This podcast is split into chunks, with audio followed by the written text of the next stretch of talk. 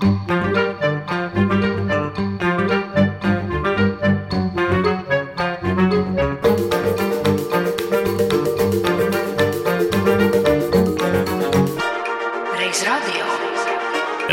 radio. Ar šodienas skatu pagātnē. Pašā pamatā radio mērķis ir pārvarēt laiku un telpu, un šaurā mērogā ņemot radio ir lauciniekiem.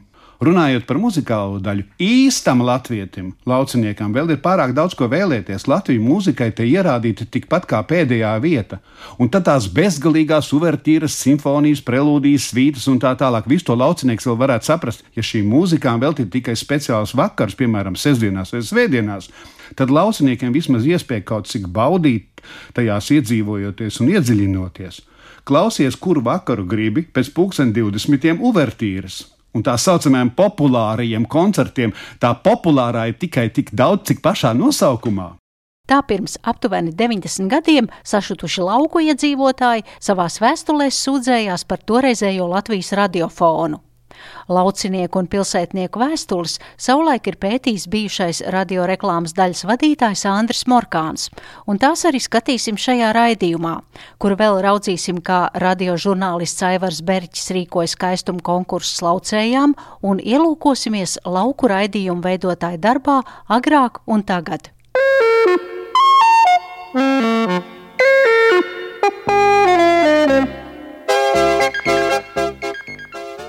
Raidījums lauksaimniecības darbiniekiem. Šovakar jūs uzzināsiet, ko darīt salā cietušajos augļu dārzos. Un būs arī balsis un atbalsis un agrometeoroloģiskais apskats.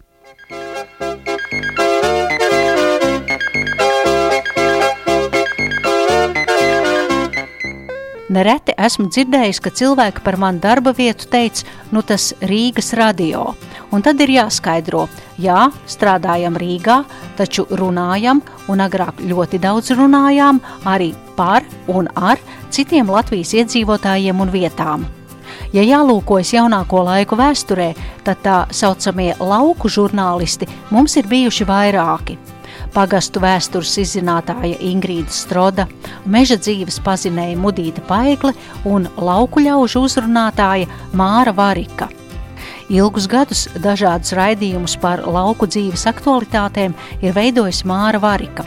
Pati nākusi no laukiem, dzimusi Rankā, bet kopš jaunības saimnieko ķekavas pusē. Zina visus darbus, kas ir saistīti ar zemi un mājlopiem, un tā arī ir sanācis, ka par to runājas radio.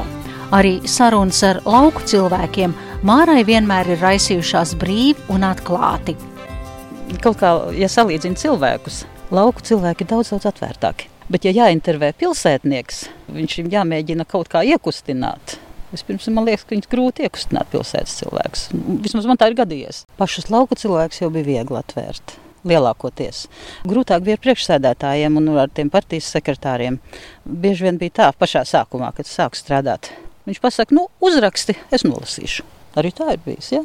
Lai tu uzraksti jā, tekstu jā, priekšā, jā, atbildi. Uzrakstu, jā, visu, kas viņam jāsaka, un, un es nolasīšu. Tā arī ir bijis un ir nolasījuši. Tie parastie lauku cilvēki, nu, viņi jau, viņi jau tā no sirds runāja. Jau, tas ir citādāk. Jūs jau laukos te, jūs nu. teicāt 72 gadi, ja? Jā. Jums. Tad nu. 72 pavasari jau bijuši, un nav tā pavasarī, ka tāds nemieris ir.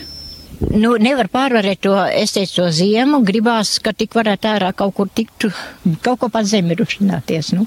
Nu, man sakūtevēja kaimiņš atkal ar tehniku, un kas man tur bija, tur ir puķa dobs un tulps, un es varu sakot, viss tāds, ko man vajadzīgs ir. Jau nopirkt sēklas un sēž atkal.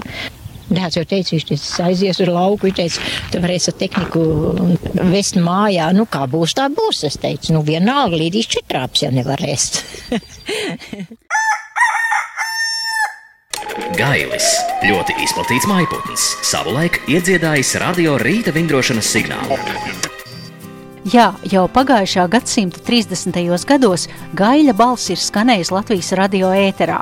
Toreiz tie bija dresēti putni, kurus skoloja vecerīgā dzīvojošs pulksteņmeistars Kuzņecovs, bet arī nesenā pagātnē, kad ik rītu pulksten 6.45 skanēja Māras Varikas veidotais sižets lauku ļaudīm, To ievadīja gaļa dziesma. Labrīt, lauku ļaudis! Šorīt uzzināsiet, kādus produktus mēs iespējams ēdīsim nākotnē. Izrādās, ka šie putni reiz mituši vietā, kur sarunājos ar Māru, viņas lauku sētā ķekavas novada alejas ciematā. Tas vispār ļoti, varētu teikt, vēsturiskā vietā, jo te ir mituši vispopulārākie radiosolisti. Vismaz tikpat populāri kā kādreiz Lapčenogs bija un, un, un, un Bumbieri, kas skanēja katru rītu dziedāju. Tā vējie tie bija. Tie bija manējie. Pašā sākumā nē. Pašā sākumā es nezinu, kas tas pa gaili bija, kas tur dziedāja. Un tad pēkšņi vien brīdi sāk prātot, nu, apnicis. Vajag kaut ko modernāku. Domāju, domāju, nevarēja neko atrast modernāku. Nu, tad beigās noskaitos, paņēmu savu kasti un vienu dienu nostrādāju mājās. Nu, cik dienu, bet nu, ierakstīju savus gaļus. Toreiz mums bija trīs skaisti gaļi, un visi skaisti dziedāja un ierakstīju. Vai tu kādreiz arī radioaparātu atskaņoji saviem gaļiem, lai viņi dzirdētu? es tikai toreiz kolāds bija priekšnieks radio mājā. Tajā laikā es jau smējos, ka man vajag honorāru gaļiem vienu maisu ar graudiem. 6,45 minūtes. Tas ir ikrīt laiks raidījumam laukļaudīm. Savukārt mūsu bijušais radioreklāmas vadītājs Andris Morkāns, savulaik pētot radio vēsturi, atrada klausītāju vēstules par radio, kas tika publicēts avīzē pēdējā brīdī pagājušā gadsimta 30. gados, un auditorijai ir bijis arī viedoklis par gaļa dziesmu radiofonā. Kāds klausītājs no abotielas Rīgā raksta. Pirmo reizi gaili dzirdēju vakar. Biju aizmirsis naktī nogriezt, un tāpēc rītā vairāk kārtīgi gailis man iedziedāja ausī. Skaņa ir stipri raksturīga laukiem, esmu ar to apmierināts. Savukārt kāds no vecvirlauks pagasta raksta, gaļus dzirdēt, varu piecreiz dienā, un tāpēc man nav jāmaksā 22 lati gadā. Radioprogramma ir vienpusīga un par daudz muzikāla. Laikā, kad katrā dzīves nozarē derētu nopietns vārds un tādus dzirdam ļoti reti un par degošiem jautājumiem itin nemaz. Tie kungi nejūt krīzi, bet grib it kā iemidzināt ar dziedāšanu un mūziku. Un no astoņām darba stundām, ja divas, divi ar pusi ir nopietnas, tas ir daudz. Nedrīkst vērtēt visus klausītājus par siseņiem, kas tikai dzied un dejo. Bet man, kas man labāk patīk, ka uz pārmetumiem par šo saturu, tad Rīgas radiofona vadība atbildēja, ka neapmierinātajiem ir jāizmanto radio privilēģija, klausīties tikai interesanto un vajadzīgo. Skatot to gadu radioprogrammu, redzam, ka 4 līdz 5 reizes nedēļā skanēja lauksaimnieku pusstundas, kurās parasti kāds lauksaimniecības speciālists noturēja lasījumu par konkrētu tēmatu, piemēram, linkopības izredzes Latvijā, kāda putnkopības nozare pašreiz ir pati ienesīgākā, zemes nosusināšanas nozīme un tā tālāk. Kā teica Andris Morkāns, tad tolaik radio bija tāda kā tautas augstskola, kur vienā kanālā tika veidotas programmas visdažādākajai klausītāju gaumei. Tur skanēja gan latviešu, gan angļu un vācu valodas mācību stundas, bija nopietnā mūzika un populārās melodijas, lasījumi par geogrāfiju, filozofiju un literatūru ja mēs raugāmies, fokusēties uz programmu, ka viss visiem, protams, ka vienmēr bija tā, ka tu visiem labs nebūsi. Un pilsētnieki sūdzējās par to, kāpēc ir tik daudz priekšlasījumu, kāpēc ir šīs mākslīgo mēslu stundas, kā viņš tika dēvētas. Ja? Un savukārt lauku cilvēki teica, kāpēc šīs simfonijas un šī mūzika, kas lauku cilvēkam nav vajadzīga, laucinieks prasīja pēc izklaides. Un līdz ar to arī struktūra, ja? kad laika ziņas bija vēl vakarā, un šķiet tas bija ap kaut kādiem desmitiem vakarā kad laucinieki bija nikni par to, ka viņiem šīs laika ziņas ir jāzina. Bet tad viņi jau guļ desmitos vakarā, jo viņi agri ceļas, un rīzniekiem šīs laika ziņas nav tik svarīgas. Tā kā šādi ietekmējoties, rādio mēģināja atrast to vidusceļu, būvējot to savu programmu.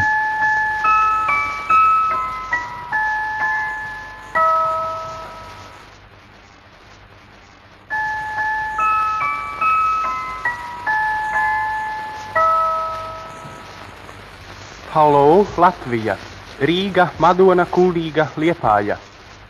Bet tagad atkal pievēršamies mūsdienām, lauku ļaužu raidījumiem pēdējā desmitgadē. Mana kolēģe Daina Zalamāne, studējot žurnālistiku, nāca praksē uz radio un nokļuva lauksaimniecības raidījuma redakcijā. Bet tad Daina darbu uzsāk Latvijas televīzijā, kur arī iemina taku lauku tematikai domātos raidījumos, un, kad atkal atgriezās radio, tad pārņēma stafeti no Ingrīdas Strodas, kura ilgstoši bija veidojusi raidījumu par pagastu kultūru vidi tēvu laipa šai zemē. Pagastu stāsti, mazpilsētu stāsti, viensētu stāsti, un tagad Dainas Zalamans veidotais raidījums saucas Stiprie stāsti. Radio es esmu visu laiku mēģinājusi saglabāt tos stāstus. Es jau tomēr teiktu, ka man tas redzējums ir par laukiem, bet tie ir tomēr stāsti par cilvēkiem. Protams, tur ir sadaļa par to, ko viņi dara un kā viņiem iet, un, un kas viņiem veicas un kas neveicas, un tā tālāk. Bet tajos manos stāstos tomēr ir arī nu, tā personiskā daļa kā cilvēki dzīvo, un kas vēl viņiem interesē, un kas viņiem ir svarīgi arī ārpus darba. Šeit kaut kas bija vedis, kad nolas no laukiem akmentiņus, bija savas sakmeņu kaudzes, tādas apaugušas ar nātriem, vecās ābeles sakritušas, skats bija vienkārši baismīgs, un te bija blakus ceļš, un puskilometru arī šosē, un viņiem arī bijusi zeme līdz Daugavai. Pa šo laiku, pagājuši cik 20 gadi, mēs esam uzbūvējuši šo visu saimniecību, gan māju, gan saimniecības ēkas, jaunas siltumnīcas, Anta Kučere stāsta, ka laiks, kad sabrukuši kolhozi un abi ar vīru palikuši bez darba, nav bijis viegls. Mums tikai divi dēli, es domāju, es viņus izskološu, un viņi izmācīsies, viņiem būs dzīvokļi un viss tas nodrošināts. Atnāca kapitālisms, nosēdamies ar pliku dibenu uz zemes, ir viss izgājis tā visa eforija par to, ka es izskološu bērnus, nav nekā. Reiz radio. Bet tagad, Covid krīzes laikā, piemēram, tad, kad mēs nekur nevarējām braukt, tad es zvanīju cilvēkiem, pie kā es biju bijusi pirms pieciem, pirms desmit gadiem, un arī tas bija ļoti interesanti, kā viņiem iet. Daudz no viņiem ir arī krasi mainījuši dzīvi un pametuši laukus un pārcēlušies uz pilsētām, jo vienkārši tas lauku darbs ir smags un veselība vairs nav tāda.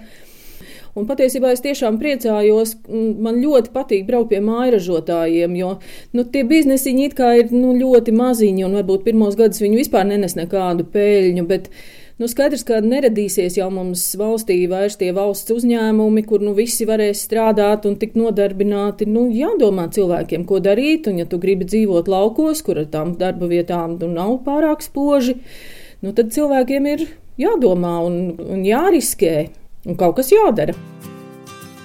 Dainas Zalamanas darba specifikā, atšķirībā no citiem žurnālistiem, ietilpst arī mājiņas apavi.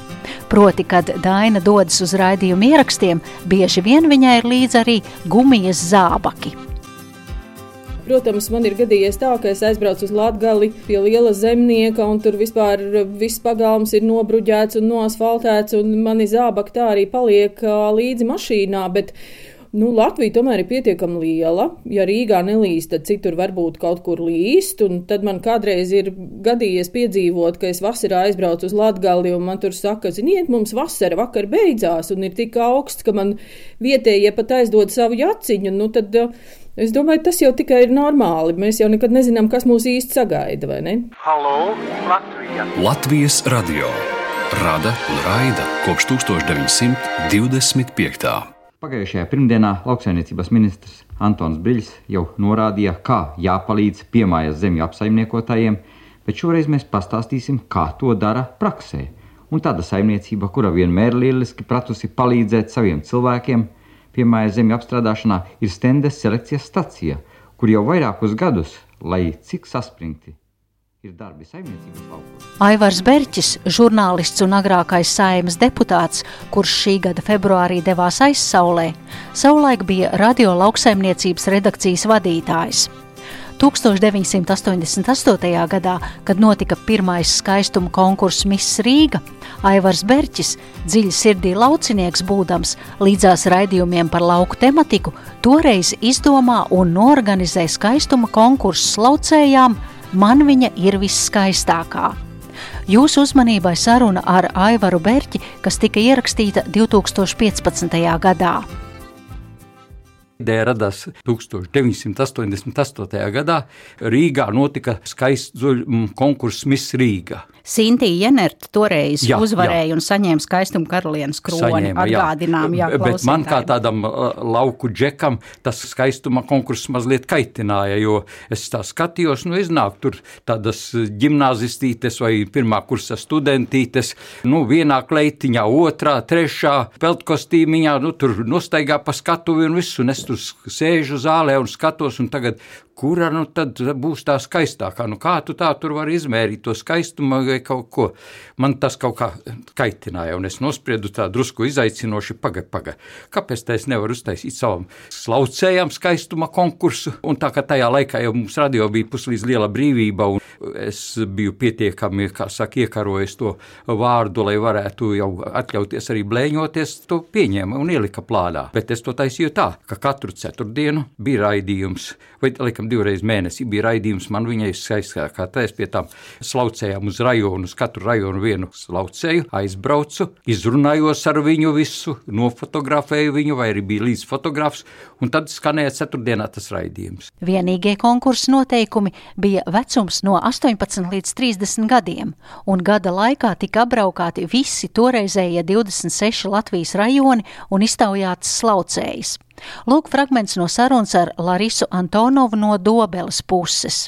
Ne jau vienmēr viegli, jā, protams. Te arī brīvdienas nebija strādājām ilgi, pusotru mēnešu gandrīz. Bez vienas Bez nevienas brīvdienas. Nekā neredzējis, tikai darbu. Mājās atnāca pārģērbies, pāriet apakaļ. Nu, jā, jo mājā jau jūs taču tiekat kad, cikos vakarā. Karā ap deviņiem, Un rītā uz darbu. četros. Bet tādās reizēs neuznāk tāda duša, ka. Mm, Pamest, jā? jā, mest mierā un laisties. Dažreiz ir tā. Nu, tagad pārgāja. Tāpēc, ka iedeva tās brīvdienas. Jā, tāpēc. Redz, cik maz vajag. Jūs lepojaties ar savu izturību vai spēku. Par to, ka jūs spējat izturēt to darbu, ka jūs nesalūstat no tā, ka jūs varat tik daudz padarīt. Pašai prieks par to vismaz. Kā paiet, teiksim, tā jūsu brīvās dienas un tie brīvie Vispār nemanot. Vakar, darba vakar jau vispār es ne, nemanu. Nu jā, tā ir gulēšana. Gan arī, nu es nezinu, es eju vēl gulēt, bet ko es daru, es pat nemāku pateikt. Daudz, kas jāpadara ir mājās. Brīvais laiks arī. Tajā dienā tu jau nevis atpūtīsies, bet tu zini, ka tev kaut kas jādara, kaut kas vai jābrauc vai pie mātes.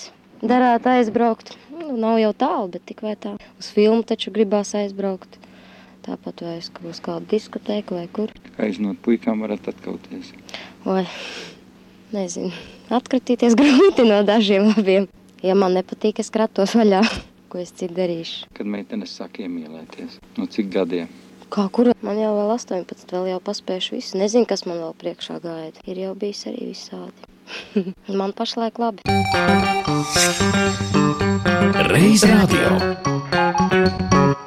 Tagad cilvēki ir kļuvuši drošāki un tā nebaidās. Bet tas tajā laikā bija tā, ka tu pieliec mikrofonu pie deguna, un tas nozīmē tikpat kā pistoles stobru pielikt pie deguna. Cilvēks uzreiz sastingst un parunāt nevar nekā.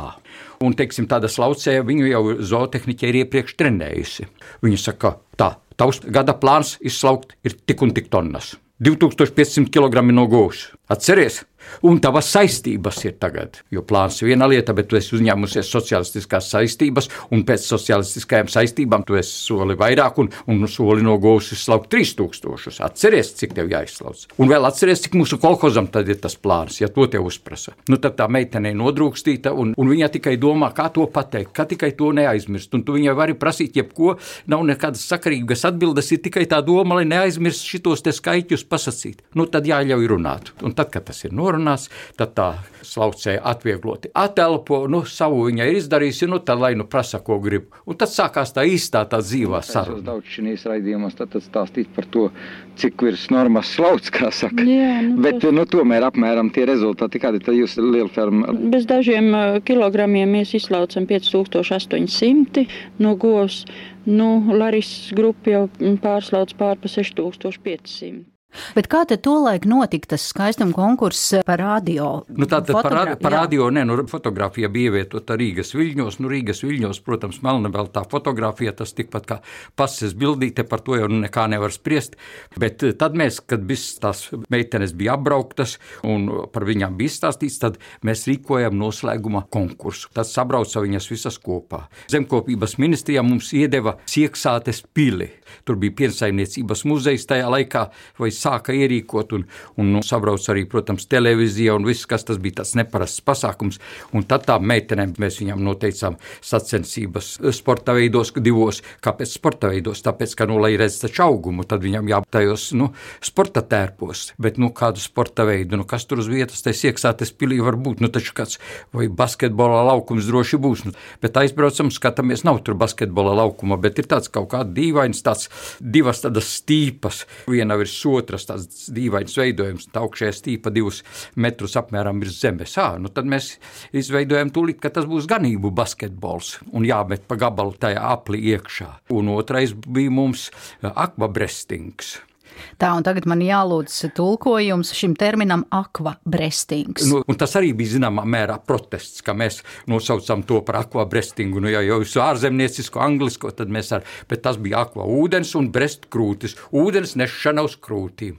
Nu, tas bija tā, ka pierlēja vanniņu pilnu ar ūdeni un stafete četras komandas, četri novadi, meitenes četrās komandās un visas paņem vanniņu, izskrien viena, aiznes un atnes atpakaļ, tad iedod otrai, un tad beigās, kura komanda visātrāk izskrējusi, un kurai tomēr vanniņa pilnāk. Tad viņā bija jāklāj cienas galds, tad bija viņu rokdarbu izstāde, ko viņas atveda, ko no kuras izšūmus, adījumus un arī konservus. Un, un tad bija priekšnesums, kur bija jādeklamē vai jārunā vai kaut kā tāds, tāds uzvedums. Un pašās beigās bija deju konkurss. Un viens kolhoza priekšsētais, tas stalts puisis, acīm redzot ļoti labs dejotājs, tas bija izraudzīts par to dancinātāju, un tad tas ar visām izdancoja pēc kārtas un katrai ielika atzīmi.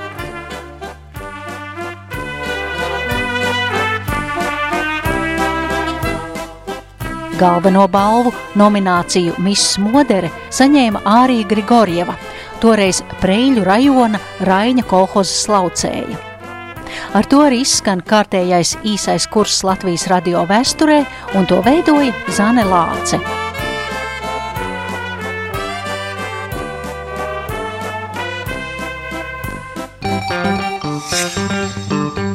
Reiz radio